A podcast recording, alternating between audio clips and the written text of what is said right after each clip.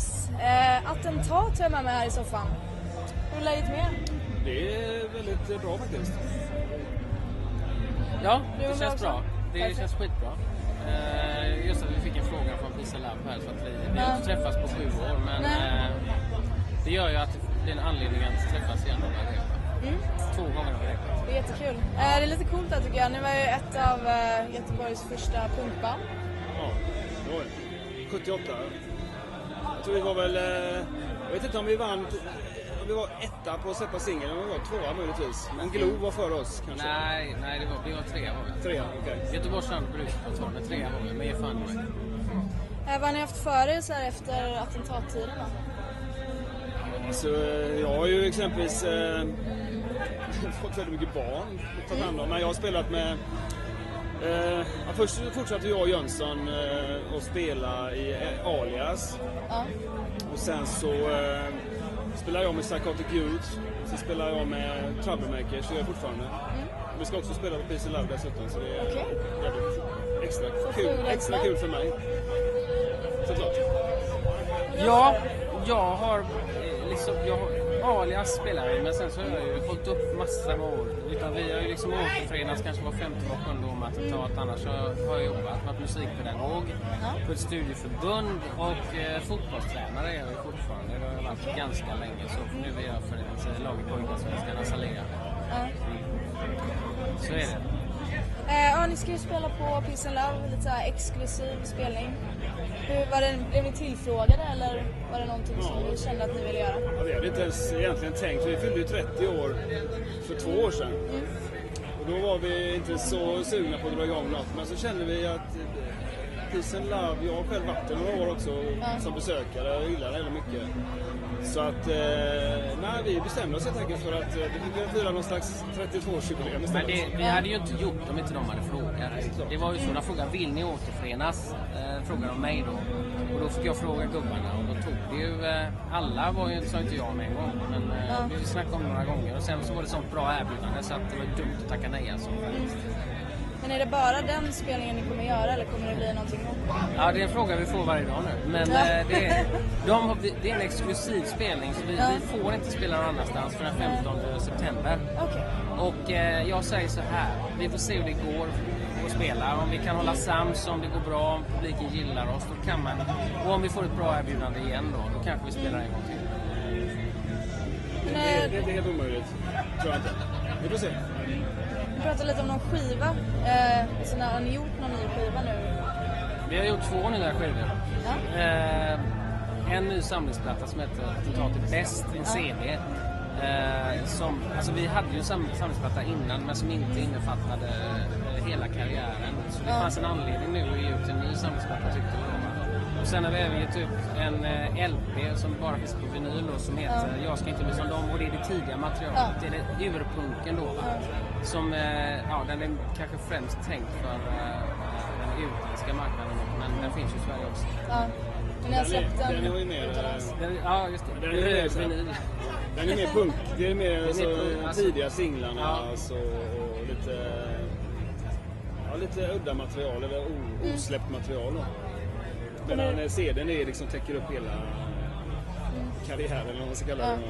Vi gjorde ju ändå fyra, fyra LP. Och LP man ju på den tiden. Det var ju det då. Och eh, ja, det fanns en del att hämta. Och så hittade vi massa gamla demos och vi har ju spelat in så jävla mycket grejer alltså.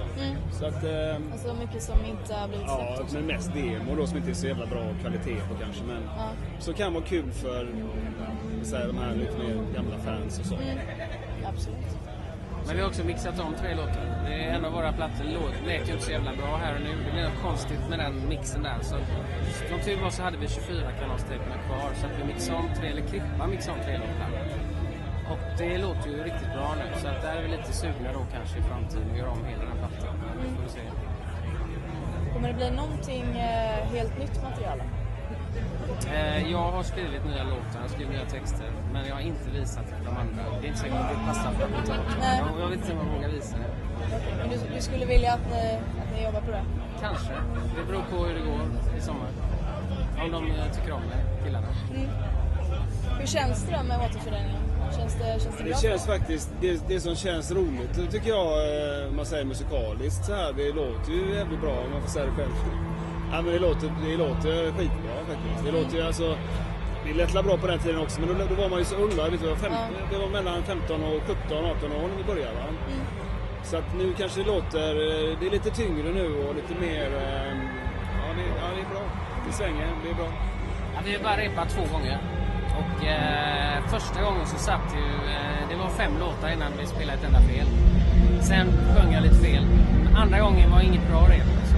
Nu har vi två rep kvar. Så att vi får se om vi klarar det här. Eh, tror ni det var lättare på, på den tiden när ni slog igenom? Tror ni det var lättare att slå igenom då än vad det är idag? Eh, Jag tror det var svårare då. Men det fanns inga spelställen. Vi fick göra allt själv. Nu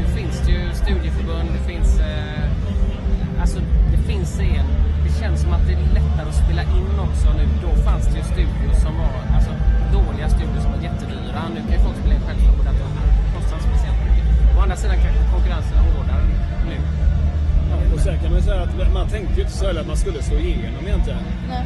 Man hade ju inte den... eh, Det var inte det man brann för, utan man ville ju bara göra sina grej, sin grej. Göra sina låtar och göra det så bra som möjligt. Och sen var ju vi, jag tror vi var ett av Sveriges mest turnerande band. Ja. Eh, runt 80 där.